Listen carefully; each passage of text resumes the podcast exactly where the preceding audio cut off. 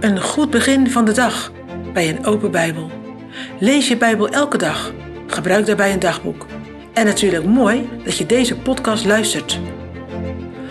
Op het strand van het eiland Patmos verscheen de Heer Jezus aan de verbannen apostel Johannes. Schrijf deze brieven aan de zeven gemeenten, klonk de opdracht.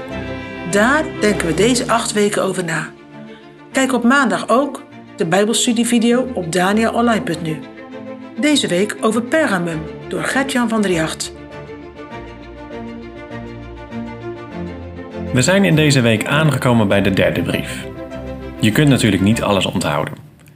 Niet alles van Smyrna en Fezen zal je bijgebleven zijn. Maar misschien is er elke week één ding die jou bijblijft. Ook uit deze brief aan Pergamum, waar het in deze week over gaat. Zoals je vaker gaat merken in deze serie, is de brief aan Pergamum er een met een lofprijzing en een waarschuwing. Maar laten we hem eerst samen lezen. De brief staat in Openbaring 2, vers 12 tot en met 17. En schrijf aan de engel van de gemeente die in Pergamum is. Dit zegt hij die het tweesnijdend scherp zwaard heeft. Ik weet uw werken en waar gij woont, namelijk waar de troon van de Satan is en gij houdt mijn naam.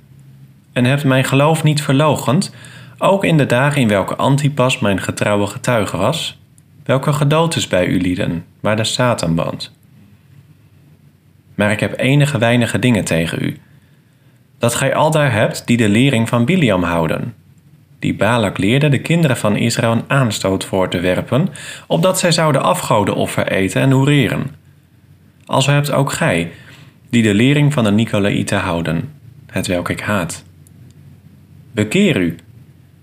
En zo niet, ik zal u haastelijk bijkomen en zal tegen hen krijg voeren met het zwaard van mijn mond. Die oren heeft, die horen wat de geest tot de gemeente zegt. Die overwint, ik zal hem geven te eten van het manna dat verborgen is. En ik zal hem geven een witte keursteen en op de keursteen een nieuwe naam geschreven, welke niemand kent dan die hem ontvangt. Vandaag iets over de afzender van deze brief.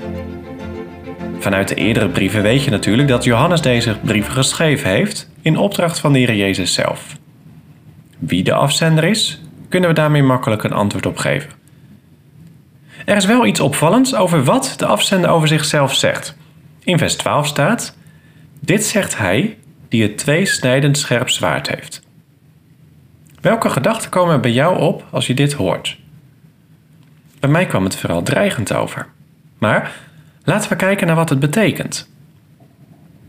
In hoofdstuk 1 komen we deze uitspraak ook tegen.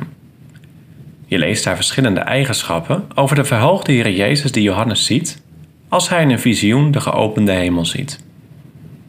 Het wordt met sprekende beelden beschreven. Een gouden gordel, wit haar als witte wol, ogen als een vuurvlam, voeten van koper.